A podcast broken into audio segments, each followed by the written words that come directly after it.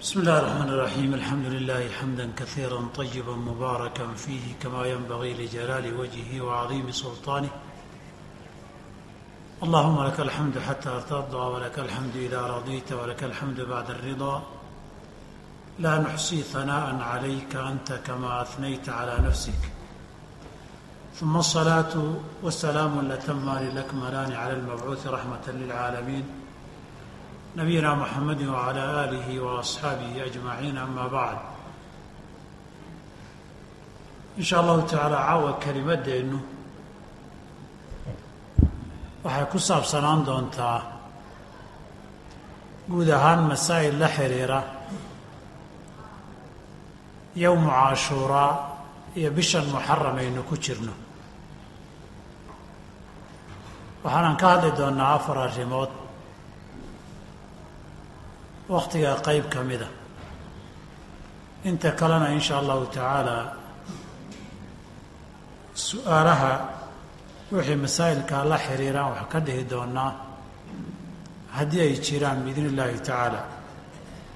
Masalada koowaad waxaan ka hadli doonaa guud ahaan bishan muxaram ee dhowrka habeen maraysa iyo fadliga guud ay leedahay ee mudan inaan ka faa'iidaysano. Masalada labaad waxaan si gaara uga hadli doonaa maalinka cashuuro la yidhahdo ama tobnaad iyo soonkiisi iyo axkaamta la xiriira. Masalada saddexaadna waxaynu ka hadli doonaa haddii alla yidhaahdo maalinka sagaalaad ee taasuuca la yidhaahdo ama sagaalaadka oo ah maalinka ka horreeya cashuure iyo maalinka tobnaad iyo maalinka ka dambeeya ee kow iyo tobnaad iyagana masaa'il la xiriiraan ka hadli doonaa haddii alla yidhaahdo. Masalada afraad ee ugu dambayseen ka hadli doono waa bidaca qaybo ka mid ah maalinkaa tobnaad dhaca. Qaybaha ugu waaweyn wax ka mid ah ayaynu wax ka tilmaami doonaa in sha allahu tacaala afartaa masalo ama afartaa arrimood. Oon isku dayaya inaan soo koob koobo dee aan idinku cusbayn ayaan wax ka dhihi doonaa haddii alla yidhaahdo in sha allahu tacaala. Ilahayna waxaan ka baryayaa xaqa inuu ina waafajiyo iimaanka iyo tawxiidkana inagu sugo xaqa iyo khayrkana inagu kulmiyo in sha allahu tacaala. Masalada horeysa bishan aynu ku jirno. Bisha muxaram waa bilowga sanadka hijriga ama islaamiga ah. Dadkeennu waagii hore xoola dhaqatada markii la ahaa ilaa hadda magacii oo baaqi ah waxay u dhihi jiray bisha zako. Dadku xoola dhaqatay u badnaayeen in la xasuusto xilligii xoolaha laga zaka bixinayeyna way iska adkayd. Haddaba bilowga sanadkaa lagu xasuusan jiray dadkuna zakada ay bixinayaan si aanay u halmaamin. Bishan oo bilowga sanadka ay ku aadi jireen. Maadaama zakada lala eegan jiray bishan si aan loo halmaamin iyo bilowga sanadka ayay magacii fariidadii dadkeennu ay inta badan ku gudan jireen wakhtigaana ku beegan jireen ayaa magaciisa la siiyey. Marka bishu waa muxaram haddii kale waa bishii zako ee zakada la bixin jiray sanadka hijriguna bilowga ahaan jiray. Waxay ka mid tahay bilaha ashhurulxurumka la yidhaahdo ee saddexna isku xigaan midna gaar u taagan tahay. Nabigeena calayhi salaatu wasalaam waa kii yidhi ina azamaana qad istadaara ka-yatihi yowma khalaqa allahu asamaawaati waalard zamanka habeenkii iyo maalintii iyo sanadka iyo biluhu wareegoodu waxay u socdaan sidii maalinkii ilaahay abuuray cirkiya dhulka loo sameeyey. Sidii ayay u wareegaan. Sanadku wuxuu yidhi waa labiyo toban bilood. Labiyo tobankaa bilood afar biloodoo xurmo gaara leh baa ku jiro ashhurul xurum la yidhaahdo. Saddex way isku xigaan. Oo waxaa weeye dilqicda iyo dilxija iyo muxaram weeye ama bisha sida taal iyo carafo iyo zako weeye sida soomaalidu magacyada aan ku tirinno haddii la yidhaahdo. Laba waynu soo dhaafnay. Ta kale afraadna wuxuu yidhi waa waa iyo rajabu mudar weeye. Aladii bayna jumaada wa shacbaan. Rajabna waa bisha ka gaarka ah. Saddexdan isku xigoy bishan muxaram ugu dambaysana ashhurulxurumkii xurmada gaarkaa lahaa. Ee xataa dagaalka iyo jihaadka difaaca maahane nusuusta qur'aanka meelo badan ay ku joojisay ay ku diiday bay ka mid tahay. Ee la yidhi ha dagaalka ha qaadina idinku fa ida nsalakha alashhuru alxurumu faqtulu lmushrikiina markaa dagaal ku qaada. Laakiin bilaha xurmada leh inaan la dagaalamin la isfaray. Marna la yasaluunaka can ishahri alxaraami qitaalin fiih qul qitaalun fiihi kabiirun. Dagaal in la bilaabo xataa gaal lala dagaalamaya dembi weyn weeye laakiin iyaga laftoodu gaalnimadii iyo masaajidda ilaahay dadka u diidayaan baa ka sii weyn. Haddaba bishani muxaram iyadoo sannadkii islaamiga hijrigii bilow ah haddana bilaha xurmadii iyo qadarinta gaarka islaamka ku leh bay ka mid tahay. Iyadoy sidaas tahay haddana sowm marka la yidhaahdo iyo cibaadaadka qaarkood oo soonka sunnada ah bisha ugu fadli badan weeye sanadka dhan. Waxaa nabigeena ka sugan sala allahu alayh alih wasalam xadiid uu ku tilmaamayo min xadiidi abi hurayra ah inuu yihi afdalu siyaami bacda ramadaana shahru llahi lmuxaram soon sunno oo la soomo bisha ramadaan ee faradka ah marka laga soo tago bishan muxaram baa ugu fadli badan. Saas darteed munaasabad waxaynu ku jirnaa bishaa dhowrka habeena ilaa dhammaadkeeda laga gaaro. Haddii bilaha sanadka ah soomkan faradka ee ramadaan laga reebo bisha ugu fadli badan sunno in la soomaynu ku jirnaa. Taasina macnaheedu waxay ka dhigan tahay in layna farayo laynagu dhiirigelinayo inaynu soomka badinno. Oo bishani waxay khaas la tahay soonka sunnada ee iyada la soomaa ka fadli badan bilihii ka horreeyey iyo kuwa ka dambeeyaba. Waxaa ka fadli badan oo keliya bisha ramadaan oo farad ah. Farad iyo sunnana tabcan faradkaa ka fadli badan. Oo waxaa caddaynaya xadiidu lqudsigii nabigeenu rabbi ka warinayay subxaanahu wa tacaala wa sala allahu calaa nabiyina sal ly slam ee uu lahaa rabbi baa yidhi wamaa taqaraba cabdii ilaya bishayin axabba ilaya mima aftaradtuhu calayh.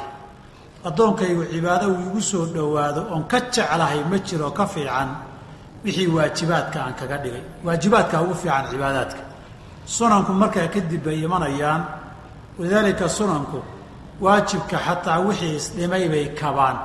Ama soon ha noqdo ama salaad ha noqoto ama sadaqaad ha noqdo. Markii faradka ramadaan laga soo tago soonka sunno bil la soomatana u fadli badan. Waa fursad iyo munaasabad khayr badan oo soonkeedu ajir badan yahay oo inaynu dadaallo loo baahan yahay. Soonka inaynu badinno. Oo intaan soomi jirray bilaha kale ka badan aan soonno. Sidaas ayaa aada wanaagsan. Taasi waa masalada koobaade guud ahaan fadliga bisha laynaga doonayo. Inaynu ku dadaalloon ka faa'iidaysanno wey iyadoo bishu saa u fadli badan tahay masalada labaad haddii maalmaheeda la ysbarbar dhigo maalinta caashuuraa ama tobnaad ayaa ugu fadli badan fadligeeda iyo ajirkeeduna nabigu waa tilmaamay sala allahu calayh waalih wasalam waa xadiidka abu qataada ee imaamu muslim fii saxiixii ku warinayey markuu yowmu carafa iyo yowmu caashuuraa nabigu ka hadlayay sala allahu alayh alih wasalam waa kiuu yowmu caashuuraa ku yidhi maalinta caashuura soonkeeda axtasibu cala allaahi an yukafira asanata alatii qablah. Sanadkii tegaya horoo dhan in dembiga lagu dhaafaan ilaahay ka rajaynayaayo ajir kaga dalbayaa sanad baa la ysugu dembi dhaafaa sanad tegaya halka yowmu carafa sanad tegay iyo sanad soo socota ay tahay. Bil ahaan bisha muxaram baa ka fadli badnayd soonka marka la soomayo bisha carafa. Laakiin maalin marka la yidhaahdo yowmu carafa ka fadli badan yowmu caashuura. Cashuuro laftiisu maalin yaraysata ma fadligeeda. Walidaalika xadiid kale oo nabigeena uu ka warinaya cabdillahi bni cabaas radi allahu canhuma wa ardaahuma oo fi saxiixayna. Ibni cabaas wuxuu leeyahy anigu ma arag intaan arkay. Qofka aragtidiisuu ka hadlay maanan arag buu ihi intii nabiga aan arkay maalin uu ku dadaalayo maalmaha kale kala fadli badan maalinta cashuura maalintaa maahane sanadka intiisa dhan maalin uu soon gaar ugu dadaalayo oo gaaruu u danaynayo oo gaaruu u daryeelayo oo gaar ugu dadaalaya maanan arag oon maalinta ahayn. Bilahana biluu gaar ugu dadaalayo oon ramadaan ahayn ma arag buu yidhi. Sidaasuu leey cabdillahi bni cabbaas radia allahu tacaala canhuma wa ardaahuma. Halkaa waxay ku tusaysaa nabigeennuna sal ly slam inuu ajir badanna u sheegay maalinta cashuura oo sanad dhan oo tegay baa la ysugu dembi dhaafaa yidhi. Isaguna uu ku dadaali jiray sala allahu calayhi wasalama in ka badan inta maalmaha kale uu ku dadaalo. Arrintaa ibnu cabbaas uu sheegay dadaal dheeraada inuu siin jiray yowma cashuuraa nabigu way jirtaa. Axaadiideennu dib ka tilmaami doonana waa ka arki doonaa. Nabigoo dadka ku tirtirsiinaya oo si cadow u dhiirigelinaya oon ajir iyo fadli inuu sheega aan ku dayn. Maalintaasi waa maalinka bisha muxaram marka la tiriyo maalinka tobnaad weeye maalintaa tobnaad sanad baa la ysugu dembi dhaafaa. Waa hal maalin oo dembi sanada lagugu dhaafayaay wax sahlan maaha. Laakiin nafcu niya cabbitaan baratay oo shaha waxoogay markay weydo madaxu xanuunaya oo jimicsanaysa adugu waa kanee soon ku kac soomkii iyo gaajo iyo oon adugu waa kanee kaalay ku kac tii ramadaanka ahayd waxaaba u kaalmeynaya shayaadiin xirxiran. Iyo dadkii oo wada sooman. Laakiin shayaadiintii oon xirnayn. Iyo dadkii oo wada cunayo oo cabayo oo qiiqii cuntadiiyo shaahu ku baxayo aduu naftan waatane kaalay ku kar hadday soontana waxba u dhimi maayo. Inaynan wax badanba dareemin baa badan haddana waxay saas tahay cuntada lagama daalo. Hunguriguna waa kay soomaalida hore yidhaahdeen hunguri libin male bay yidhahdeen abaal ma leh. Haddaad caawa dharjiso subaxii kii kii xalay dhargeyba ma aha. Kusoo ridin waayo. Haddaad subaxii buuxiso duhur iyo casar marka la gaaro kaad weligii waxsiisayba ma aha. Eber eber buu taagan yahay ku soo rid buu ku leeyahay. Dee midkii aad saa u bartay hal maalin u kaadi haddaad tidhahdaa bal dembi badan baa la iska dhaqayaayo wax badan baa la dabaashaye. Wuxuu ku leeyahay maya dadkaba sow aragtid. Qiiq baa igu soo baxay. Urti iyo caraf baa i soo gashay. Kusoo ridin buu ku leeyahay. Kaasoo shaydaanna noo weheliyo baa taw la dhaha lalaya war hal maalin oo sanad lagugu dembi dhaafo maxaa ka fiican? Hal maalin inaad soonto oo nabi maxamed calayhi salaatu wasalaam dadaal gaara iyo mudnaan gaara siin jiray markii maalmaha sanadka la eego soonka sunnada ah inaad mudnaantii siiso markii intaa la sheego nafta iyo damiirka iyo iimaanku waxay kuu keenayaan kol laba yeena ku dhaafin. Laakiin markay maalinba maalin isgurto maktigeediina la soo gaaro miduu halmaansiiyo miduu yidhaahda iska daa madaxaa ku xanuunaya miduu yidhaahda dhakhtar baad ballan la leedahay oo caloosha waxoogay ku yar socota ninba si uu ugu sheegaba adu ma taqaanid ninkii shaydaana qofba dhegtuu wax ugu sheegaa markaad subaxaa timaada yowma cashuuraa in yaroo fara ku tiraysaa dadka ka soomanba. In badan waxay ku maanta miyay ahayd? In badanna waxbaa si iga ahaayoo qiilbax iyo calaacal iyo haddaad weydiisay naftu bilaabi. Marka waxaan rabaa inaan idhaahdo war nafi calaacal ma dayso meel baa i dagan iyo meel baa i danqanaysana ma dhammaato. Haddaad soontana waxaa yaryarkaa markaad soonteed go'aansato baaba cajiska qaarkii iyo xanuunkii kuugu dambayn. Inta aadan go'aansanidan ku tallaabsaninna boqol meelood baa ku wada danqan. Markaad go'aan gaadhana soddon maalmood baad soomayse meesha ku danqanaysa maxay u danqan weyde waxaan rabaa inaan idhaahdo ninkii baa inaga dhex shaqaysanaya habeenkii soo nabigu ma dhihin salaada waxaad seexan adoo leh caawa wa bilasxaari hum yastakfiruuna ku darma kuwa suxuurti ilaah dembi dhaaf weydiista kolla ha ka qadin tobanka fiidnimo dhac baad dhihi. Markii afarta la gaadho lix saac baad hurdayo hurdada kaaba dhammaatoo dhinacaa ku xanuuni. Saad saa isu leedahay. Waktigii markii la gaaro nabigaa sheegayoo intuu hareeraha xarga kaala istaagu ku leey calayka laylu tawiilun farqud. Mayma toban afartiya waktiba hal saac iyo waxbaa ka laaban isaga yar noqo. Baf way kula tegi dana aadaanka baa waad ku baraarugu acuudu billahi min shaytaan rajim marka acudu billahi maxay taridi ku dhaafi waktigii waadun calaacaliyo. Habeen dambe intaanan seexani waa inaan markaad habeenkii sii seexanaysa aad watarka tuka dhahdo wuxuu ku dhihi xilligii suxuurta ee fadliga badnaa iyo uluulil akhiir baa jire. Hay intaad seexato wakti dheer baad haysataaye adoo hurdo bogay soo toos. Waktigii markii la gaarana caleyka leyla dawilu farqud buu ku dhihi. Ninkii baa qoortiina ugu jira. Hadda waxaad is markaad fadliga iyo xasuusato aleelahay sanadkan inaad sanad damba noolaan ilaahay baa ogay haddii ilaahay ku gaadhsiiyo yaanay ku dhaafin. Habeenkii markii la gaarana labaatan iyo boqol cudurdaariyo hurdadoos kugu yar nabi iyo wax jinniya jaanunbu kugu samayn. Marka ilahayna aan ka magangalno isticdaadka dadaalkana aan samayno nabigeena calayhi salaatu wasalaam intii aan laba soo dirin yowmu cashuuraa waa la soomi jiray. Qurayshna way soomi jirtay. Sida caaisha ay tiri radi allahu canha ardaaha ee bukhaari muslim ka wariyeen. Waxay leedahay maalinka cashuuraa maalin ay jaahiliyadii quraysh soontuu ahaan jiray. Nabiguna markuu madiino tegey ayuu soomay dadkana ha la soomuu yidhi.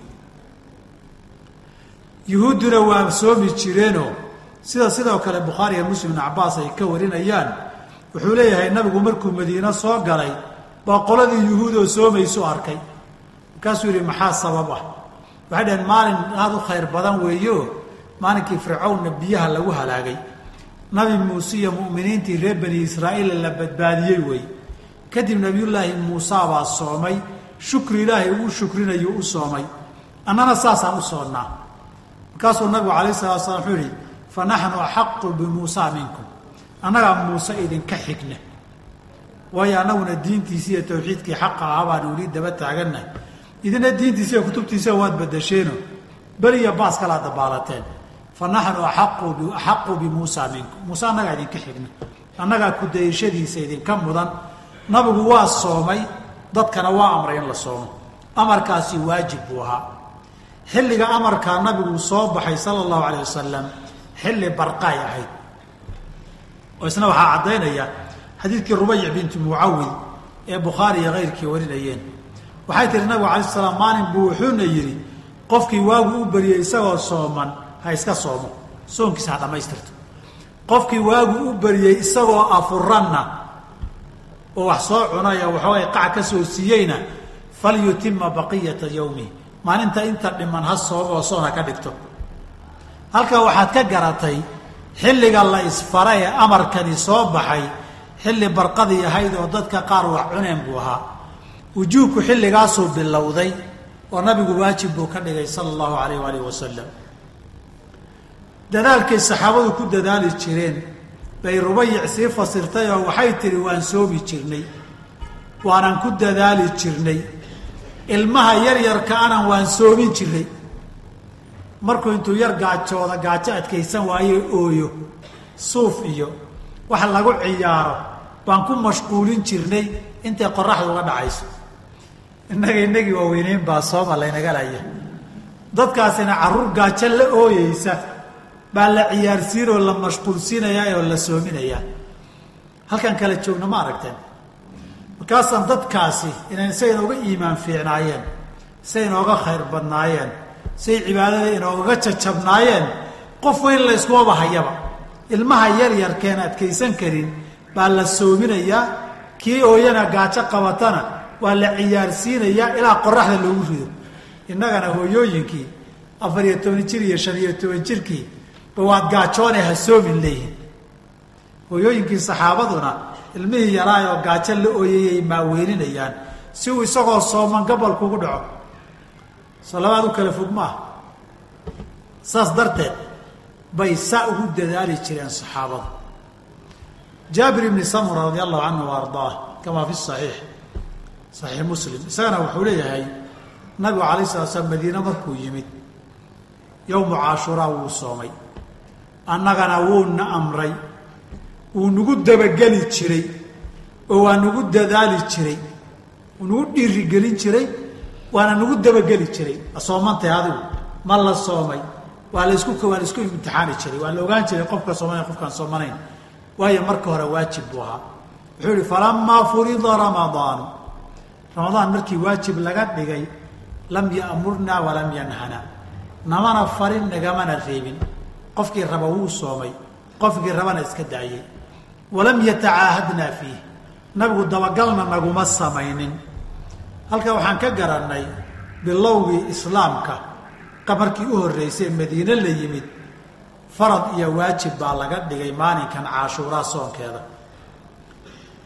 markii bisha ramadaan la farad yeelee waajib laga dhigayna waa la nasakhay waajibkii oo waa laga bedelay.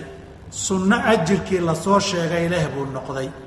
Lidaalika caaisho lafteedu waxay tidhi falamaa furida ramadaanu saama man taraka. Nabigu uu ka tegay amarkii uu dadka amrayay wuu daayey faman shaaa saam waman shaaa tarak. Qofkii rabana wuu soomay qofkii rabana waa iska daayey intaasina waxay tilmaamaysaa markii hore farad buu ahaa. Markii labaadna sunnuu noqday. Intii bisha ramadaan la farad yeelay kadib. Sunnadiisuna ajirkaasay leedahay nabigu waa ku dadaali jiray. Dadkana waa u tilmaamay oo ajirkeeda markuu sheegayo dhiirigelin iyo boorin dadban bay ahayd. Laakiin si toosa inuu u amra wuu ka daayey maadaama markii hore uu amri jiro amarkii waajib ahaa haddii amarkii la sii wado dadku waajib bay u qaadanayaan waxaa kaloona xadiidtan soo sheegnay ka garannay maalintaas sababta loo soomay waa nicmo ilaahay oo lagu shukrinayo wey. Nicamka ilaahay oo lagu shukrinayo wey. Ilahina subxana wa tacala nicam hadduu ku siiyo. Siyaabo cibaadooyinkiisa cibaado samaynteed baa loogu shukriyaa. Afka afkan inaad alxamdulilaahi ka tiraahdo uurkana rabbi aada uga qirtood uga mahdiso subxaanahu wa tacaala cibaadadiisana aada badisaa lagaa doonayaa walidaalika nabigeena sal slam markii intuu salaatuleyl badan uu istaagay habeenno badan intay laguhu barbarareen dildilaaceen oy jeedhareen. Yaa waxaa la yidhi miyaad ma iska daysa naftaada maxaad u dhibi? Wuxuu yidhi afalaa akuunu cabdan shakuura. Miyaanan mudnayn inaan noqdo. Qof rabbigii ku shukriya hadduu ilaahay nabinimada iyo darajada iyo cilmigaa i siiyey miyuunan igu lahayn inaan ku shukriyo oon cixii khayrkii lay siiyey aniguna cibaado bedelkeedii shukriga la imaado. Nabi muuse calayhi salaam iyo fircawn wixii kala qabsaday waad ogeydeen ummadda reer bani israa'iil ee nabi muuse loo soo diray intuuse la soo diray ka hor iyo kadibbana waa kay ku calaacalanay dhaheen qaaluu uudiina min qabli an ta'tiyanaa wa min bacdi maa ji'tana. Intaadan noo iman iyo markaa noo timid kadibba waa nala dhibay. Dee dhib kuma yarayn jaajuus baa la wada daba dhigay. Guryaha la wada diiwaan geliyey ilmihii dhashaa la wada qoray. Yuqatiluuna abnaa'ahum wayastaxyuuna nisaa'ahum baa lagu sameeyey. Gabdhahana waa la deynaa wiilashana waa la gowraca. Markuu dhasho islaan kastoo uur yeelatay ilmo dhalaysaba askar iyo boolis iyo kuwa biro watoo dadqalataa ag taagan. Dadku waa diiwaan gashan yahay. Qof kastoo uur qaadana waa laga warqabaa waa laga shintiriyaa markay umulaysay dhalaysana waa la ag joogaa haddii wiil noqdona madaxa laga gooyaa waa lagu agtuuraa hadday gabadh noqotona waa la ysaga tagaa yuqatiluuna abnaa'ahum wayastaxyuuna nisaa'ahum amarkaana odaygii fircoon aha buu ka yimidoo isagaa yidhi sida ilaahay sheegay nuqatilu abnaa'ahum wanastaxyii nisaa'ahum wa innaa fawqahum qaahiruun. Arrintaana waan ka adagnahay oo waan ku fulin karnaa buu yidhi in laga taagroon yahay wixii raba lagu samayn adduunyadan marka la kala awood roon yahay qoladan inay soo yar kacdana laga baqayo hadhow xukunka ku qabsato. Dee sidaan baa laysu geli jiray sidii unbaana laysu galaa. Ninkaa fircoona waxaa samaynaya. Ee ilmaha hadda dhashay gowracaya. Wiilasha laynaya gabdhahana daynaya saa u samaynaya. Haddana wuxuu isu sawirayaa dhinac wuxuu rabaa talada. Anu unbaa caqli leh. Aniga unbaa wax garanaya. Waxaanan u idhaahdana maya lama dhihi karo. Maa uriikum ilaa maa araa wamaa ahdiikum ilaa sabiila rashaadi waay. Keligay baa ka talinaya. Waxaa kaloo dhan fiitaa saaran waay. Dhinaca kale marka laga eego isagiibaa iska dhigaya. Waraabo xoolo la raaciyoo laayay. Haddana u ooyo u calaacalay ma maqasheen. Isagiibaa iska dhigaya inuu xuquuqul insaan ilaalinayo inuu dadka dantooda ka talinayo. Wa fircawnu daruunii aqtul muusa walyadcu rabbah inii akhaafu an yubadila diinakum aw an yudhira fi lardi lfasaad inuu diinta idinka bedelo ama ummadda iyo noloshan uu fasaadiyo waxyeelayo qasaan ka yaabayaa wy ninkii waxaa samaynayey yaa waxaasaan ka shaqaynayaa leh dunidu markaynan qiyam iyo diin jirin inuu sidaa dhinac ka sameeyo si dhinacanna warkaa kale beentae qurux badan akriyaay qoyskii ilmo galabana f b i la daba dhigo waa iska caadi waxaani taariikhdu wax soo maray weeyo qasaska qur'aanku laqad kaana fii qasasihim cibratun liuli lalbaabi wey dadka caqliga leh qasaska hore marka laga sheekaynayo waxa sameeyey waa aadame qaabkay u sameeyeen waxay ku sameeyeenna waa dad kale inay soo noqnoqoto magacyadaa badbedelan waxbaa lagu kala dardaraa ama tii hore tafaasiisheedaynaan wada haynin laakiin dhaqanku waa isku dhaqan sida guud marka laga eego meesha ku hoorsanaysana waa isku hoorsi hadda intaa fircown sameeyey sooma hayna waatga noloshaa noolah intuu fircoon sameeyo kale waa haynaa. Dhinacana dadka nag ka dhig oo ilmaha dooxo oo dadkii baabi'i oo umamka ku duuloo nag ka dhig oo qofba qof u raadabay istaag dhinaca kalena xuquuqul insaan iyo dadka danahoodii iyo ummaddii wanaaggoodii iyo bashbashkiiyo barwaaqadaa la qasayaa ka dheh waa wixii fircoon sameeyey. Adu magacaada dooni ula bax marka. Ama fircoon u wada bixi ama qaaruun u wada bixi ama jin iyo jaan iyo namruud u wada bixi magacaad u bixin magacu macno may sameeye nimankii reer bani israa'iil ninkaa lagu salliday baa hortooda ninkii lagu halaagay. Iyagii ilaahay badbaadiyey. Badii la soo mariyey. Fanfalaqa fa kaana kullu firqin katawdi lcadiimi badii kale istaagtee muusiya qoomkiisii la mariyey fircoon qadar baa waday.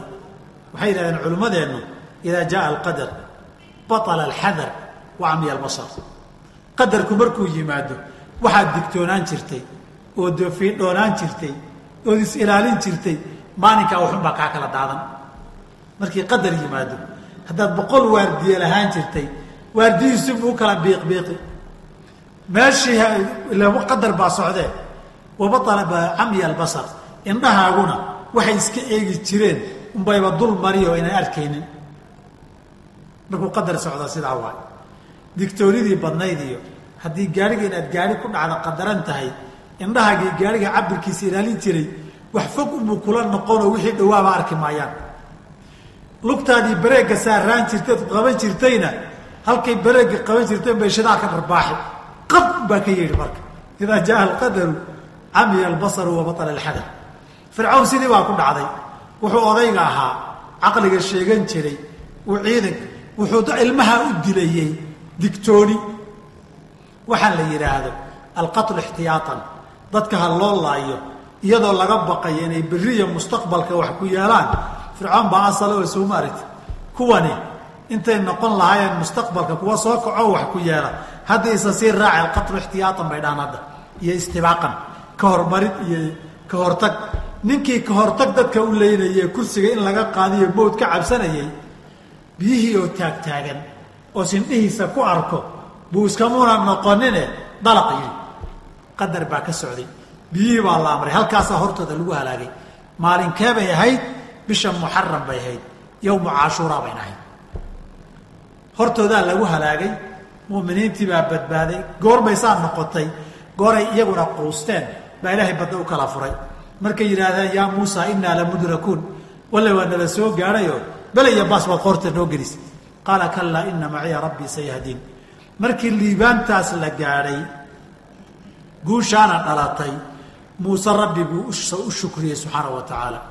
Rabbi buu u soomay nabi maxamed marka loo sheegay ambiyadu way isku dayan jireen. Dariiqooduna waaxid buu ahaa. Markaasuu wuxuu yidhi fa naxnu axaqu bimuusa minkum sidaasuu u soomay dadkiina u amray inay soomaan.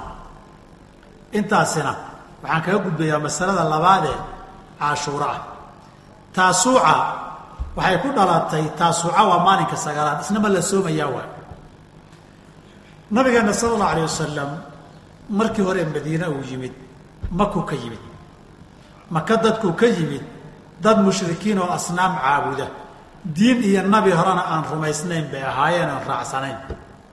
Nimanka reer yahuudees madiine ugu yimidna waxay ahaayeen niman ahlu kitaaba oo ambiye iyo kutub raacsan haba bedelaane dagaalka diintan iyo nabi maxamed dadka raacsan iyo inta beenisay ee guud marka laga soo tago dagaal labaad baa jirayoo dad ambiye raacsan oo diime iyo kutub ilaahay rumaysan inay jiraan. Intay dooni baa kaga dhaqmaane. Iyo dad nebi iyo kitaabba diidan oo mushrikiina. Dagaalkaasoo caalami ah baa jiray oo goobaha fagaaraha iyo golayaasha looga doodo qur'aanku qadiyaddaa taariikh buu inooga xusay. oo dooddaa iyo muranka inay maka ka taagnayd nabi moxamed iyo asxaabtiisa oo kutub rumaysan iyo qurayshoo wataniyad rumaysan waxaa la kala tirsan jiray dunida daafaheeda umamka iyo awoodaha ka jira taasi annagaan isku mabdaadhownahayoo kitaab bay rumaysan tahay oo roomaanka ahayd iyo furuskoon kitaabba rumaysnayn oo dab caabuda. Dagaal baa dhex maray nimankii kitaabkan ahaan jiree roomka aha ee kristanka aha baa si fiican looga adkaaday. Waa sacbiyeen reer quraysho. Away qoladii kitaab kitaab iyo nabi sheeganaysay. Kuwiinii sida loo garaacay soo ma aragtaan. Hadda kuuma tirsan ogow. Muslimiin maaha halkaas sharad qur'aan baa soo degay marka. Aliflaam mim gulibat iruumu fi adna alardi wahum min bacdi galabihim sayaglibuuna fii bidci siniin. Lilahi اlamru min qabl wa min yafraxu lmu'minuuna binasr اllahi yansuru man yashaa wa huwa alcaziz اraxiim ruum baa laga adkaaday dhulka meelaha idinku dhow ee jasiiradda ugu dhow baa laga laga adkaaday iyagu ha laga adkaadee dhowr sano saddex ilaa sagaal sano inta udhaxaysa gudahoodna iyagaa mar labaad adkaan doona maalintaasna muslimiintu iyo mu'miniintu way farxi doonaan marna waa adiga oo diinta iyo risaaladan inay guulaysato. Marna waa wataniyadda iyo asnaam caabudka in laga adkaado. Baashu heer heer weeye hal meel keliya ma joogto. Nabigu markuu madiine yimid isbahaysi difaaca ayuu nimankii yuhuudda ahaa iyo la galay. Nimankii carab ahaa ee aws iyo khasraj ahaa dadka ansaarta noqdee rumeeyay ahaayeen. Muhaajiriinna dadkii yimid ee reer quraysh bay ahaayeen waxaa soo haray qabaa'il aada u xoog badan hantiya dhaqaalo badanna leh. Magaalada madiinana gudaheedii iyo daafaheedaba degan oo bani quraydo ka mid tahay banu nadiirna ka mid tahay banu qaynuqaac ka mid tahay way fara badnaayeen. Khaybar oo waxoogay u jirta ay ka mid tahay kuwaasoo dhani nabigu wuxuu la galay heshiis difaac wada difaac midaysana magaaladaa la wada degan yahay nabadeedaa u wada nabada muslimiintaa ka badan iyaga hoggaanka sara nabiga iska leh qolo walbana aag bay degan tahay difaac midaysan oo la yska bahaysanaya wixii dibadda ka soo duula oo wasiiqadii iyo heshiiskii madiinuu la galay. Dhinaca kale nabigu wuxuu jeclaan jiray sal ly slam maadaama dagaalkaa kore ee guud ee wataniyad iyo kitaab dad rumaysan jiro muwaafaqata ahlilkitaabi buu jeclaan jiray sal ly slam ahlulkitaabka inuu waafaqo wixii aan diintiisu diidin buu jeclaan jiray. Markii islaamku iyagii dagaal badan la galeen oo qaynuqaac la raray oo bani nadiir la raray oo bani quraydo la raray oo khaybar ku ay ku dhacday ballantii ka baxday intaba markay dhacday islaamkiina xoogaystay jasiiraddiina islaamku qabsaday loolankii kitaab baad haysataan iyo kitaab ma rumaysnin aha wuu dhammaaday waxaa isku soo haray kuwii ahlu kitaabka sheeganayay iyo muslimkii baa isku soo haray. Aakhiru cumrihi nabigu sal l slam wuxuu jeclaa mukhaalafata ahli lkitaabi wixii aan sharcigu waafaqin oon la farin iyaga inuu khilaafo xataa labiskiisi iyo timahaas u shanlaystiyo wuu khilaafi jiray waagii dambe. Xilligii dambe marka ayaa nabiga loo yimi sal slam waxaa la yidhi maalinkan caashuure aan soonno tucadibuhu lyahuudu. Yuhuud baa weynaysa yuhuuddu qaarna way soomi jireen. Qaarkoodna xaflad iyo damaashaad bay dhigan jireen. Sida riwaayadka kala duwan sheegeen. Nabigu wuxuu yidhi marka sal slam weliba nabigu xilligaa uu saa leeyahay waa dabayaaqada noloshiisii waa sannadkii u dambeeyey oo caashuuro uu soomo. Markuu soomay baa maalinkii la joogaa lagu yidhi ina haada alyawma yowmun tucadibuhu lyahuud haddana waxay tacliimta islaamiga ku socotay waktigii waa la soo dhaafay hore mukhaalafada nimankan in la khilaafa. Khaalifu lyahuuda wanasaara buu dhihi jira khaalifu ahla lkitaabi saasuu u jiri nab sal slam isagoo sidaa dhihi jiray yaa la yidhi tacliimtiina sidan ay ku socotaa. Nimankiina maalintan soomayna iyagaa weyneeya. Maxaanu samaynaa? Markaasu wuxuu yihi lain cishtu ilaa qaabilin. La asuumanna taasa in sha allah. Sanadka dambe haddaan gaarno sagaalkaynu soomaynaa sagaalka ayaynu soomaynaa taasuuca halkaa wey nabigu sannadkii dambe ma gaadhin sal ly slam oo bilo kadibba waa geeriyooday. Bilo kadibba waa geeriyooday nabigu sala allahu alayh wasalam halkaa waxaa ka soo baxday inay wanaagsan tahay sagaalkana in la soomo. Laakiin nabigu ma caddaynin oo ma kala qeexin. Sagaalka ma lagu darayaayoo ma lala soomayaa tobanka. Mise tobankiibaa sagaalka lagu bedelayaa xadiidku ma kala qeexin. Ilaahayna ma qadarin. Inta nabigu noolaada sal ly slam sanadka dambe balqaabku u sooma in la arko. Waxaan haynaa waa hal arrin. Tobanka in la soomi jiray fadlina loo sheegay wax cadow bedelayna ma hayno. Soonkeedii si aan uga tagno ma laha. Waxaa kale sagaalka in la soomo inay fiican tahayna waa haynaa. Sababtuna in ahlu kitaabka la khilaafaya inay tahayna xadiidka waa ka muuqataayo waa haynaa haddaba iyagu cashuuro keliyay soomaaneen taasuucana haddaan sagaalka ku darno iyagiina khilaafnay. Tii nabigu waan soomi lahaa yidhina soonnay. Tii hore ajirka lahaydee wax cad oo nasakhay aan jirinna soonnay. Sidaasi waa sida ugu fiican aan wixii oo dhan ba isugu keeni karno. Saas darteed in maalinkaa sagaalaadna la soomaayey waa sunno nabigeena sal ly slam eray ahaan looga dhaxlay tii kalena ha lagu daro marka. Ajir gaara ma leedahay ajir way leedahay ajir. Laakiin intay ajirkeedu la eg yahay wax daliiloo cadoo qeexaya ma hayno. Laakiin kollaba waxay ku fiican tahay shahrullaahi almuxaramna waa ka mid. Sidii nabigu rabay oo mukhaalafatulyahuudi yahuud ahna waa ku jirtaa. Sidaas darteed maalinkaas sagaalaad ee taasuucaana sunno weeye in la soomo oo lagu daro. Maalinka kow iyo tobnaadna ma lagu dari wax ku asaxay ma jiro. Laakiin waxaa jira xadiid daciifa jira oo madaarkiisu nin la yidhahda moxamed ibn cabdiraxmaan ibn abi leyla alfaqiih ku wareegayo xifdigiisu daciif ahaa oo uu leeyahay nabigaa yihi calayhi salaatu wasalaam khaalifu lyahuuda suumuu yowman qablahu aw yowman bacdah yuhuud khilaaf oo maalin ka horreeya la sooma ama maalin ka dambeeya la sooma. Ama maalin ka dambeeya la sooma. Si yuhuud loo khilaafo xadiidkaa daciifkii wuxuu xoogeeyey macnihii ahaa ujeeddadu maalinkii tobnaad waa sidiisiiye maalin ha lagu lamaaneeyo weeye. Sagaalka nas asaxay baa magacaabay. Haddii sagaalku ay ku dhaafto oo sagaalkii aadan haleelin yuhuud khilaafkeedii inaad xaqiijisana la rabo jamaahiiru ahlilcilmi waxay yidhaahdeen ku tageen inay wanaagsan tahay kow iyo tobanka inaad ku darto. Xadiidkaa dacfigiisuna aada uma xoog badna. Dacfi weyn ma aha. Waa ka jamhuurta fuqahadeennu ay qabaan u badan yihiin xadda fadaa'il alacmaal in loo daliishan karuu gelayaa ay jamhuurta mutaahiriinta muxadisiinta iyo fuqahada badankoodiiba qabaan. Masalada taasuucana intaasaan kaga baxaynaa bishii guud ahaan soonkeeda. Waa sunno wax ugu fadli badan weeye masalada koobaad waaye. Masaladeenna labaad een ka hadallayna waxaa weeye maalinka tobnaad. Sanad tegay baa dembigiisa lagu dhaafaa. Sababta loo soomina nabi muuse iyo qowmkii bani israa'iil mu'miniintii maalinkii la badbaadiyey. Fircawnna rabbi baabi'iye halaagay weeye. Shukran buu u soomay innana waa ku dayanaynaa. Haddii ay ahayd awalkii islaamka waajib ahaana ramadaanka markii la waajibiyey baa wujuubkii la bedelay. Sunnuu ku baaqi noqday. Haddaan yuhuud inaan khilaafno sharcigeenna tacaaliimtiisu ku dambaysayna maalin ka horeeyaa wanaagsan in lagu daro. Hadday ku dhaaftana maalinka ka dambeeya ha lagu daro.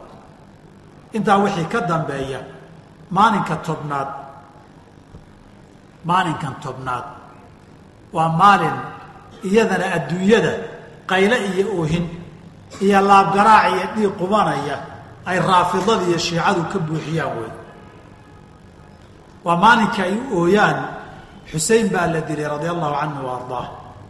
Marka masaladaasaan rabaa wax yar iyadana saddex qodob inaan wax ka dhaho marka koobaad way jirtaa xusein ibni cali ibni abi aalib radia allahu canhu wa in la dilay. Waxaana lagu dilay ciraaq gudaheeda meel karbala la yidhaahdo isagoo ka soo ambabaxay oo ka soo safray magaalada maka waxayna ahayd xilligii yaziid ibni mucaawiya khilaafadiisii ahayd bay ahayd oo lixdankii ka dambeeyey. Nabigeenna sala allahu alayh alih wasalam axaadiis badan oo abu hureyre iyo kayrkii warinayaan baa wuxuu dhihi jiray ilaahay ka magangala min imaarati sibyaani. Ciyaal yar yara xukun iyo maamulkood ilaahay ka magangala abu hureyre laba eray baa laga hayaa. Mar wuxuu dhihi jiray acuudu billaahi min ra'si sitiin lixdanku markay buuxsanto baan ilaahay ka magangelayaa lixdan sano markii la gaaray hijrada baan ilaahay ka magangelayaa abu hurayre ma gaadhinoo? konton iyo sideeddii buu dhintay. Radia allahu canhu wa ardaa. Marna wuxuu dhihi jiray erey labaadoo haddii aan nabiga laba diiwaan baan ka xifdiyey.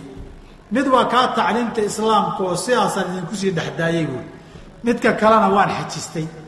Haddii aan sheegana qoortaa la i jari buui haddaan sheego niman badaxa buu taaban qoysas boqortooye haystuu taaban dad bay magacaabi waa la isdili oo la isdayn maayo lafahaygaan u baqayaa buu yidhi.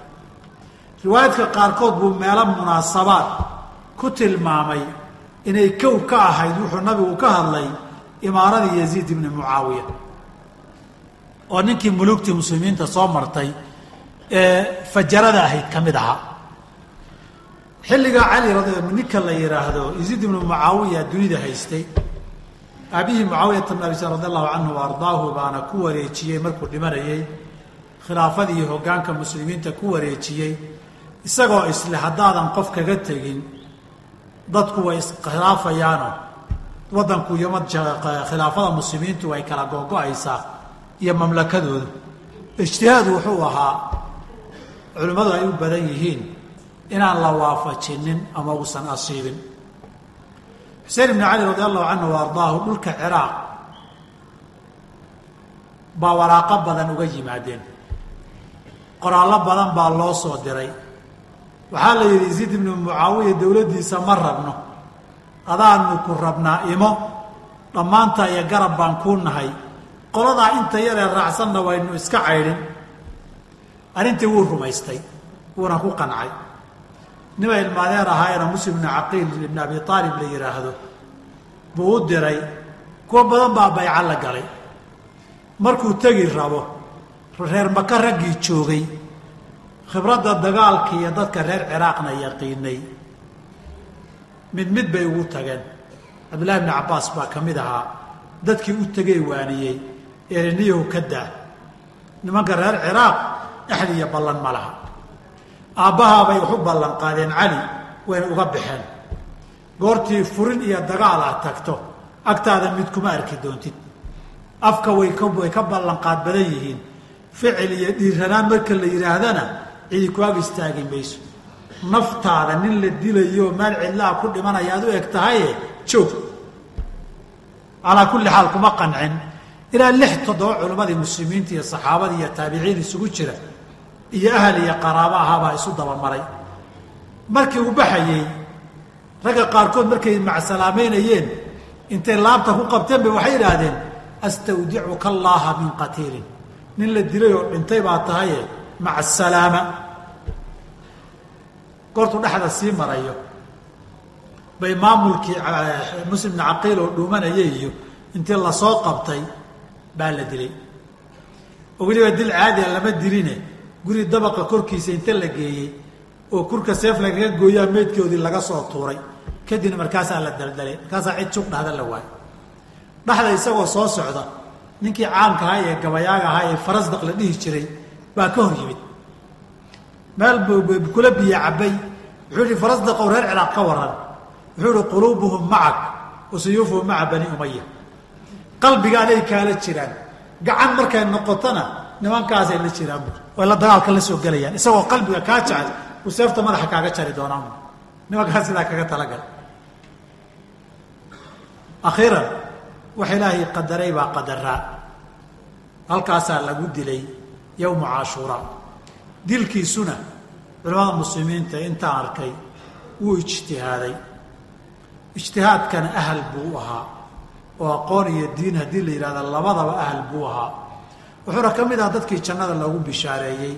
Ee nabigu yihi sal ly slam xasan iyo xuseen markuu ka hadlahayey sayidaa shabaabi ahli ljanna da-yarta jannada nimanka ugu hor sarreeyay hogaanka iyo madaxda u ah ugu fadliga badan wey marka waxaan rajeey waa min ahli ljanna oo nabigaa ugu bishaariyay sal l slam laakiin kow qofku ahluljanna inuu yahay ijtihaadaadkiisu sawaab bay wada noqon macnaheedu maaha ida ijtahada fa akhطa'a falahu ajrun waaxidun waxaan rajaynaynaa ijtihaadkaas waa laga saxnaa.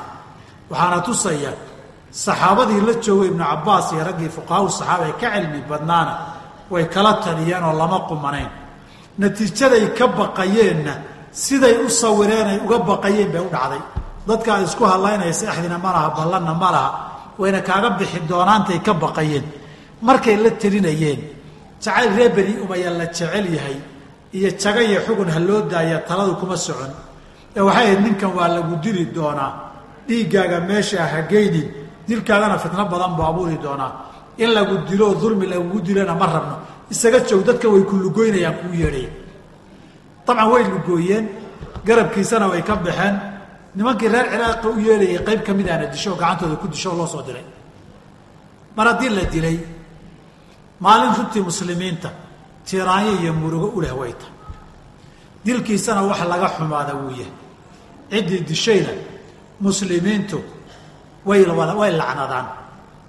Iska daa dad kale eh ninkii dilkaa soo amray raggii gacanta ku dilay maaha ciidanka ninkii gadaal fadhiyee soo amray hooyadii markii loo sheegay way lacnaday.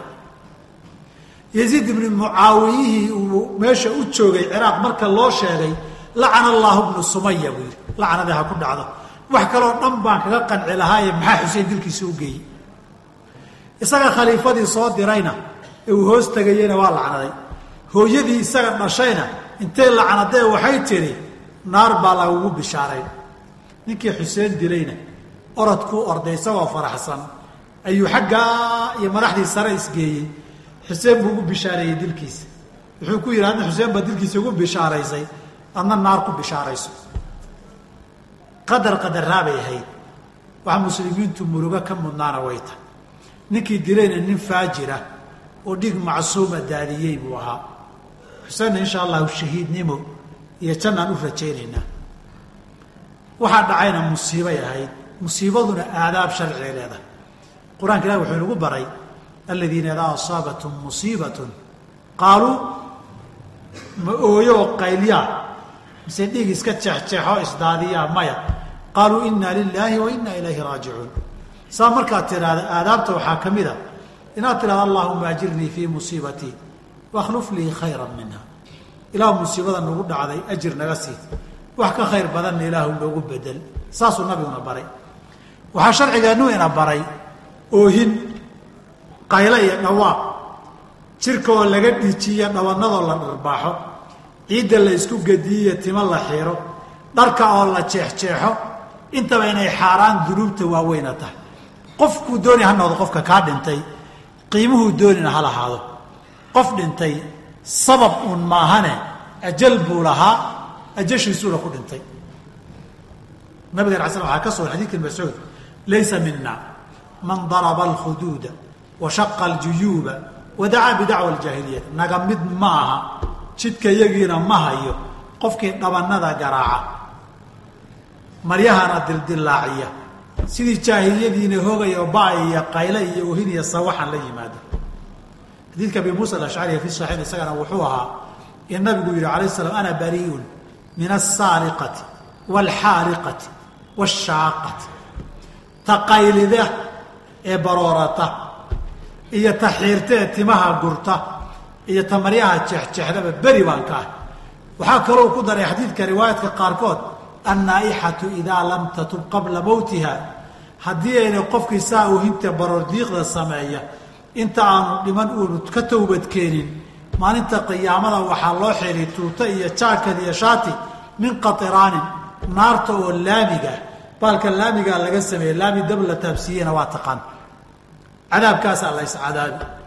Waxaa kaloo nabigaana ka sugan inuu yidhi dhowr arrin oo dhaqan jaahiliye ah ummaddayda ma dayn doonto. Waxaa ka mid ah anniyaaxatu cala almayiti maydka oohin baroor diiq iyo la sameeyo. Saa darteed musiibadu waa la istirjaacsadaa ilaahayna waa la baryaayo waa la sabraa waa loo noqdaa. Musiibada intay dooniba hala ekaatee. Lama ogola in la ooyo lama ogola in madaxa la garaaco lama ogola in dhabanno la gargaraaco in tima la xiiro in dhar la jeexjeexo in bala la isku dhigo in dhulka la isku jiidjiido waxaasoo dhan xaaraan iyo kabaa'ir weeye. Shariicadeennu ma ogola taas intaasoo ah isjeexjeex iyo dhiikadaadis iyo madaxa iyo xuseenow la yidhaahdo dhaqanka shiicadeed maalmo kadib telefishinada iyo social media aad ka arki doontaan in badan. In badanna ay doonayaan dhaqanka muslimiintu leeyihiin oo dhan inta loo sawiro muslimkana lagu tashwiihiyo dadkana lagu diro waxaad isweydiisaa ayamaa weyn yaa fadli badan weydiiya iyaga laftooda markaa weydiisa way kuu sheegi xusein ibni cali iyo aabihii cali ibni abi aalib yaa fadli badnaa. Shaki mala aabihii cali baa ka fadli badnaa. Aabihii cali ma iska dhintay mise waa la dilay? Waa la dilay isagoo salaad subax u soo socda. Dayib maalinkii uu dhintay waa la yaqaanaaye la dilaye may oohintan iyo baroortan samaynaya haddayn ahayn oohinta orgee ka weyn. Intaa may sameeyaan. Hadday mas'aladu tahay xusein ibni cali baa makaani iyo darajo leh. Soo aabihii cali ibni abi aalib oo ka fadli badan oo ka darajo weyn lama dilin oo maalinta la dilay lama yaqaan isagoo salaad subax soo aaday oo masaajidka inuu soo aadan raba sow lama dilin. Innaga ahlu sunna waxaan rumaysannahay. Cumar radi allahu canhu wa ardaahu yaa xuseen iyo aabihii caliba ka fadli badnaa isagoo salaad tukinayoo ku jira yaa la dilay oo toori la geliyey. Maalinka la dilay waa la yaqaan. Madama oohin iyo baroor iyo timo la xiraa la sameeyaa. Cuhmaan ibni cafaan oo laba gabdhood oo nabiga qabay dunnuureyn radia allahu canhu ardaahu ayaa ka fadli badnaa cali iyo xuseenba. Isagana intii la dulmiyey baa gurigiisa loogu tagay oo la dilay. Baroori diiqiya miyaa la sameeyaa intaasoo dhan isku soo wada dar. Hadday geeri baa qof weyn baa dhintay. Loo ooyayo nebi moxamed yaa ka weynaa sal ly slam soomaalinku dhintay lama yaqaan. May baroor diiq sameeyaan haddaynan oohintoodii ka weynahayn waxani wax shaydaan wato. Dan kalena laga leeyahay oo loo jideeyey waayo in cadaawad la nooleeyo. Muslimiintana kala dilkooda iyo isku dilkooda dadka lagu cabbeeyo da-yartana lagu barbaariyo iyaga raacsan ee shiicada baa asaas iyo lafdhabar u ah.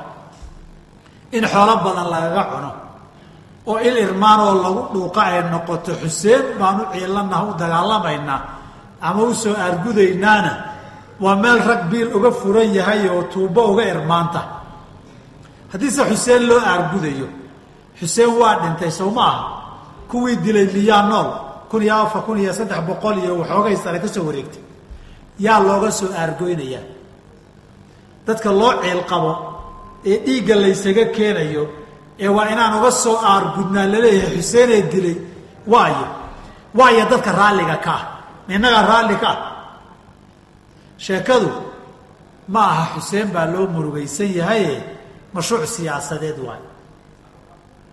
Mashruuc kala socnaan shiica iyo sunna dad gaar in loo haysta la rabo wey mashruuc cuqdad iyo xiqdi in dad lagu barbaariyo oo lagu koolkool lagu soo koriyo oo taniyo yaraantii meeshuu mindida iskaga dhuftay iyo meeshuu faaska iskaga jeexay iyo bilaawaha taariikhda noloshiisa inay ka hor muuqato ciilkaa uu qaba la rabo waayo. Maalin la xasuusiyo weeye in la ciil qabo oo la nooleeyo hurgubada la dareemayo sunnada loo qabo waayo oo maalinta lagu taamo in xuseen loogu soo aaro safiya marwo dhexdooda in dhiigga qubtay uu samsamka buuxiyo. Sidaa kutubtooda ku qoran. Marka meeshani datola idinkama jiraan. Dadaad wax ka dugsataanna ma lahane? Waa dad ciil iyo colaad ku kora. Ciil iyo colaadna kun iyo afar boqol oo sano hadday qiyaastii wax ku dhowadeen sow kama daalaan maystiri dadkay ka argoosan lahaayeenna tageen. Marka waxaani wax kala weeye. Intaa ka badan inaan ku sii dheeraada ma doonayo. Dee wuxuu sharciga inuu khilaafsan yahay hadduu muuqdo cad yahay. Mashruucna ay astaamo badan muuqdaan dan kale laga leeyahaye qofkan alla jeclaa keliya aynan ahayn ay tahay. Waxaan filayaa intii qofkii waxgarad iyo diin. Waxaan rajaynaya inay kaga filan tahay ilah waxaan ka barya subxana wa taala xaqa inuu nagu sugo. Khayrka iyo wanaaggan inagu soo dabaalo. Toobadan ina waafajiyo mawaasimtan khayrka iyo fursadahan kuwii ka faa'idaystan allah inaga dhigo. Waa mahadsanti jazakum allahu khayran. Wa allahu calaa nabiyina muxamadi wacala alihi wa saxbihi wasalam alxamdu lilah qofkani su'aal buu isweydiiyey maalin sabti hadduu ku soo aado ma la soomi karaa? Sidoo kale waxaad dhahdaa maalin jimcaha hadduu ku soo aado ma la soomi karaa? Waa isku sabti hadduu ku soo aado keligeedii hadduu jumco keligeed ku soo aado.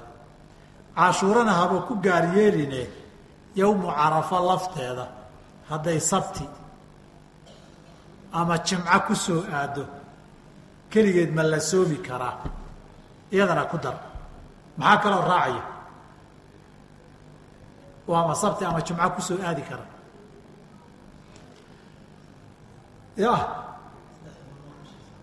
saddexda maalmood ee bil walba laga soomo may taas waxaa kaga habboon sawmu yawmin wa iftaaru yawmin. Qofka maalin la soomo maalin afura maalinkuu soomayay jumco ama sabti hadday ku soo aado keligeed midda kalena wuu afuran yahay muxuu samaynayaa. Masaa'ilkaasoo dhani isku hal xukum waaye. Saas darteed baan isu wada raaciyeyoo aan ku idhi intan oo dhan isku wada dar waa su'aal carafana shalay inay ku soo martee laga yaabo yowmu carafa kuwan kalena berri kugu soo noqnoqon kara laba mas'alo kow jumcada keligeed in la soomo nabigu inuu nahiyey way jirtaa sala allahu alayh ali wasalam nabigu inuu nahiyey way jirtaa. Sabtida keligeed in la soomo nebigu inuu nahiyey ma jirtaa sal sl iyadu ma jirtaa. Qowlaani liahli lcilmi jamhuurta aimada xadiidka iyo mutaqadimiintu waxay ma jirto. Meeluu nabigu ku reebayna ma laha. Xadiidka sidaa sheegayna waxba kama jiro say u badan yihiin aimada xadiidka aimadii hore iyo mutaqadimiinta xadiidka waxay leeyihiin wax jira maaha. Warkaana war munkaroo nusuusta ka hor imanaya cabadan weeye markaasaa waxay keenayaan axaadiid asaxday oo aada u fara badan oo ka wada hor imanaysa jumcada haddii maalin ka horreeya culimmada qaar wuu asaxay leh. Oo xadiidkaa sabtida waa asaxay qabana jamaahiirtoodu ama dhammaantood waxay qabaan keligii in la soomo weeye waxay diidan yihiin iyadoo sabti ahaan loola qastayo. Waxayna u daliishanayaan jumcada xadiidka ka hadlaya. Wuxuu ogolaaday in jumcada la soomi karo soon sunnaa haddii maalin ka horeysa la soomo ama maalin ka dambaysa. Maalin ka dambaysa muxuu noqon karaa? Waa un sabti. Sabtidii oo jumco la socota la ogolaa weeye. Waxaa lamida sabti oo xad la socota. Fadliga cashuuro sheegay ma kala qaadin hadday sabti ama jumco ku aadiyo haddayna ku aadin. Fadliga taasuuca sheegayna waa la mid. Waxaa kaga sii cad. Nabigu markuu yihi afdalu siyaami siyaami daawuud siyaamu daawuuda fadli waxaa ugu soo waxaa ugu fadli badan nebi daawuud soonkiisi kaana yasuumu yowman wa yuftiru yowman maalinna waa soomi jiray maalinna waa furi jiray. Labada usbuuc halka maalin soon maalin afur midna jumcuu ku aadayaa midna sabti buu ku aadayaa shaki ma laha. Usbuucan hadduu sabti ku soo aado usbuuca dambe jumcuu ku aadayaa idinku xisaaba. Waana soonka ugu fadli badan oo iyana asaxday. Haddaba soonka la diiday muxuu yahay? Waa soonka jumcada jumco ahaan loo soomo. Aniga waxaa raajixilaa sabti inuusan asixin. Xadiikaa sabtidu aanu sugnayn. Jamhuurta mutaqadimiinta muxadisiinta raajixilaa laakiin maalmahaas hadduu ku soo aado ama isagoo maalin lagu daray lamaba soomi karo wax sheekh naasir ugu horreeyey maan arag kun iyo dhowrka boqol ee sane ee muslimiintu soo soomayeen sabtina wax ku soo aadayey mas'alada mutlaqa la taxriiminayo wax sheekh naasir ugu horreeyey ma jiraan oo ay caddahay wuu isku dayay wax inuu raaraadiyo laakiin dhammaan rag uu ka raadiyey cagsigeedoo cas oo ku cad sida kale ku cad baa taalla oo ka soo wada aroortay. Saas darteed aqwaasha waa ijtihaad nin caalima ijtihaaday fashadda fi ijtihaadihi ijtihaad shaada weeye mutlaqan la diidayo haddii maalinta jumcanimo loo qastayo lama ogola. Haddii qof aan jumco dan gaara ka lahayn ama sabti dan gaara aan ka lahayn maalinna soon maalinna afurkiisi ay kaga soo aado ama taasuuca iyo caashuura ku soo aadaayey dhibaato ma laha. Maxaa yeeley qofkani ujeeddadiisu sabtina maaha jumcana maahe taasuucuu soomayaa maalinkay dooni baa ku aado. Adiga wax dan weyna kaagama xirna. Ma khamiisay ku aaday ma jimcay ku aaday waxaad soomaysay qasadkaagu taasuuco waayo ama caashuuro waayo ama yowmu carafa waaye ama sawmu yowmin waiftaaru yowmin waayo sawmu yowmin waiftaaru yowmin waayo mar hadday sidaas tahay cinda jamaahiiri ahli lcilmi dhibaato mala maalmaha hadday ku soo aado in la soomo. Qofkana wuxuu leeyahay ma sax baa in xuseen radia allahu canhu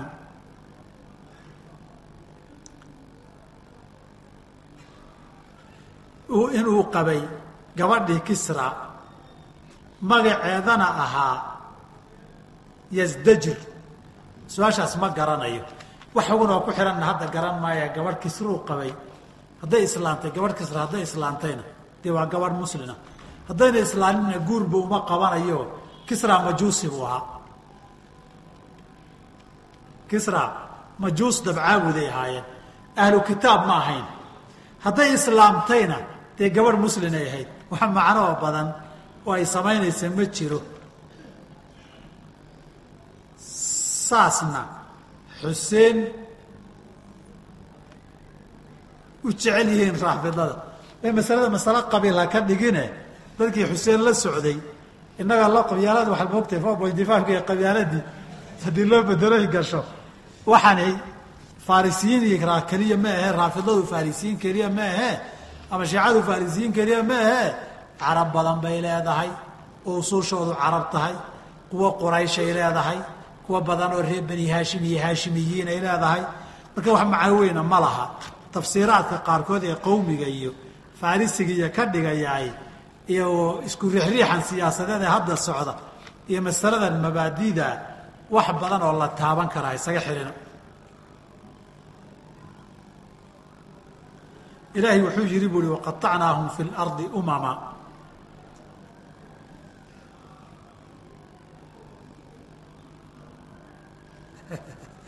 wuxuu yihi haddii waqaطacnaahum fi اlardi umaman yuhuud looga jeedo dhulba ma lehe maxay dhulka falastiin u degayaan horta asal ahaan dhulka ilaahay baa iska leh wuxuuna ugu talagalay asaga in lagu caabudo reer bani israa'iil inay degaanna waxay timid markii nebiyullaahi muusa soo qaxay ee ardu misra ka soo cararay ee fircawn la halaagay baa dhulkii degan la yidhi ee barakaysnaa wey.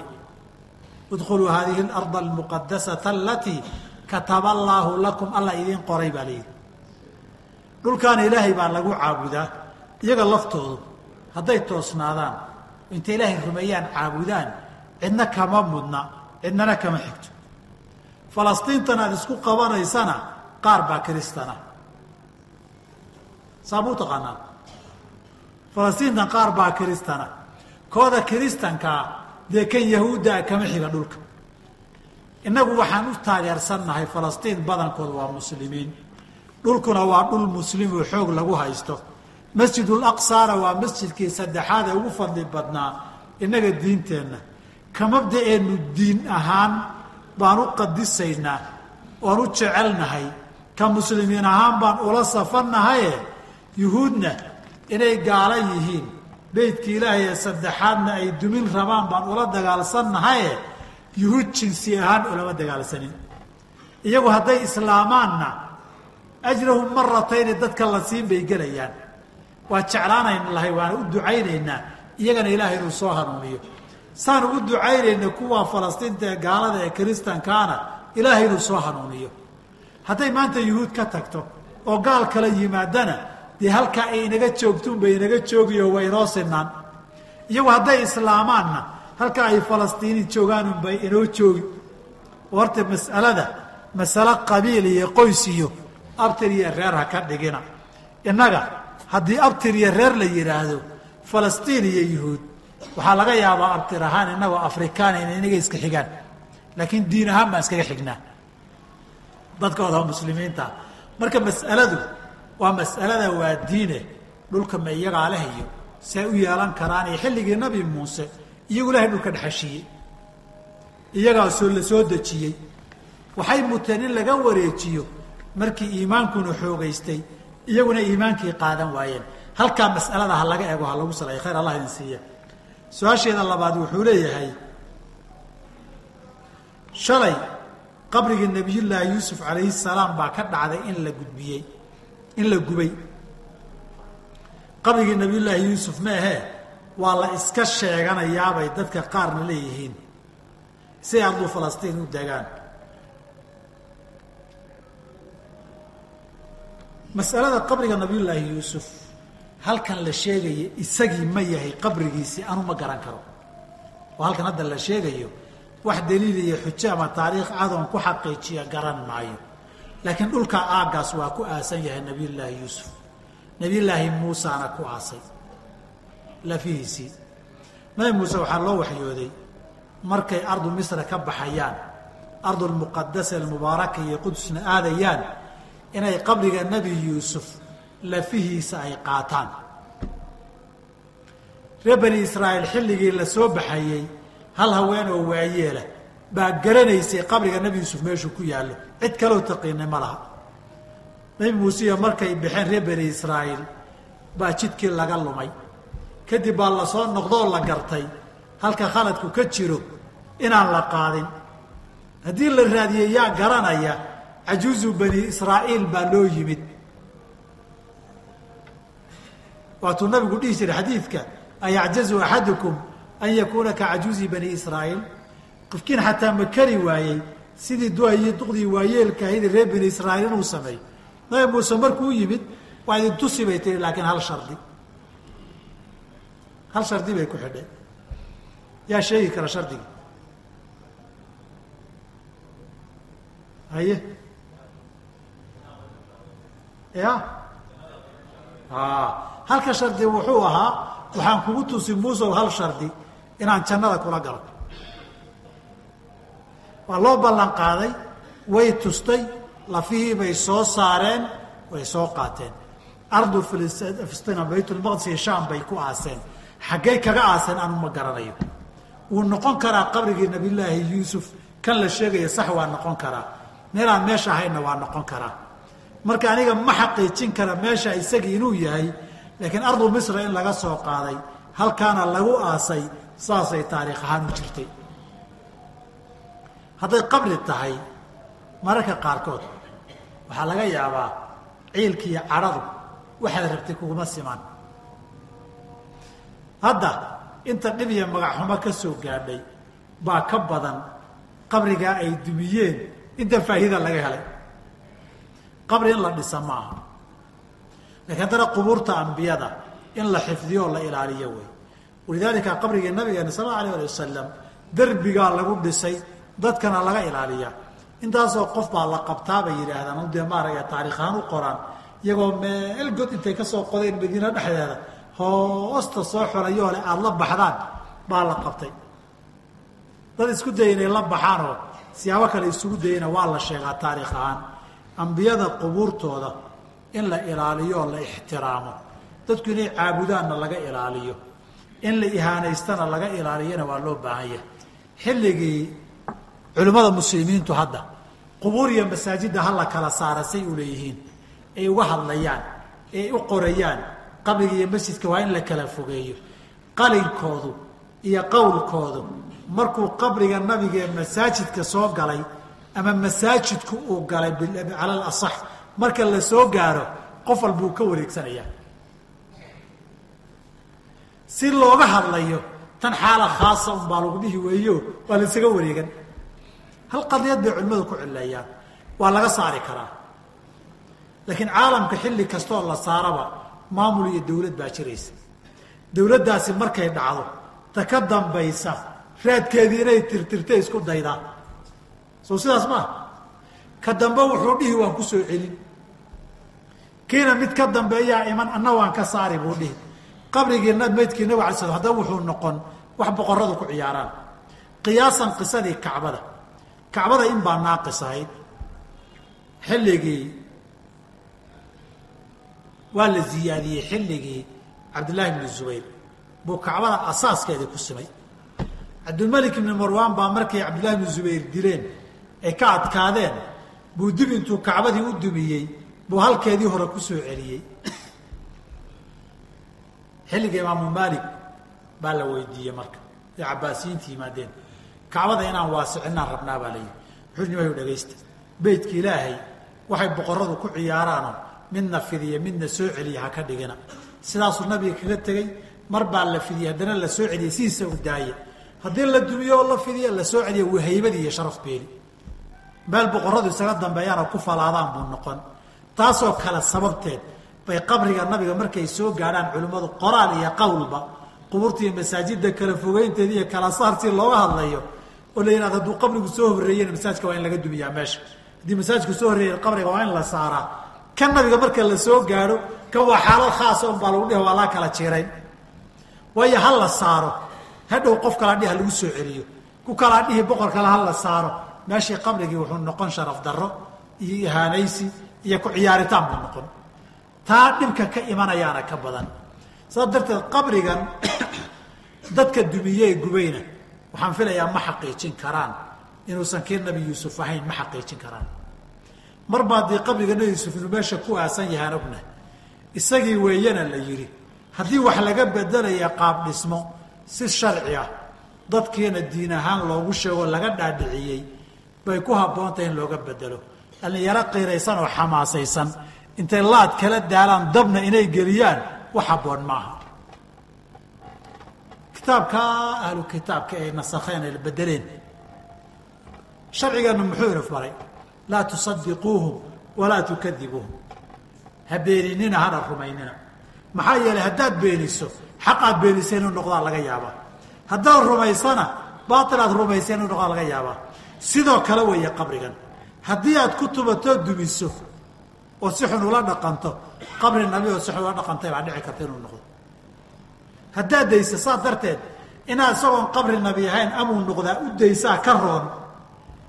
In intaad ku tumato ood gubagubto ood ku ciyaarto ay hadhow noqoto qabri nabi noqdo. In laga saaro in meelaan la ogeyn lagu aaso in dhisme hadduu yahay la dumiyo waa xilliga dadkiina wax loogu sheegi karo cid wax u sheegi kartoo samayn kartana ay timaado dabcan qabriga gubeen hadda dib baa loo dhisi dhismo ka adag baa la dhisi ku ka weyn baa laga samayn waardi ka adag baa la saari ceeb iyo dacayad iyo magaxumo badanna waa looga faa'iidaysan dee yuhuudna jebin maayo falastiinna u gargaari maayo guul gaadhsiin maayo maxba gaadhsiin maayo. Saas darteed tasarufaadka noocaas oo kaleetaa badana dadkaa dhallinyaro iska xanaaqsan bay ka dhacdaa. Hadda qofku cadhoodoo xanaaqana caqligu ma shaqeeyo. Saasoo ma taqaanaan? Markay ciil iyo xanaaq isukaa galaan caqli iyo cilmi toona ma shaqeeyaane cadho iyo ficiltan baa shaqeeye iyo ise iyo durduro wax badan lagu tunto. Marka tan oo kaleeta aniga waxaan is leeyahay ma habboonayn maadaama ay dhici kartaba qabri nabi inuu yahay. Si ka duwanoo aadaab sharciga waafaqsan iyo xukun sharciga la fulinayo wixii qaldan in loo saxay ahayd. Wabilahi tawfiiq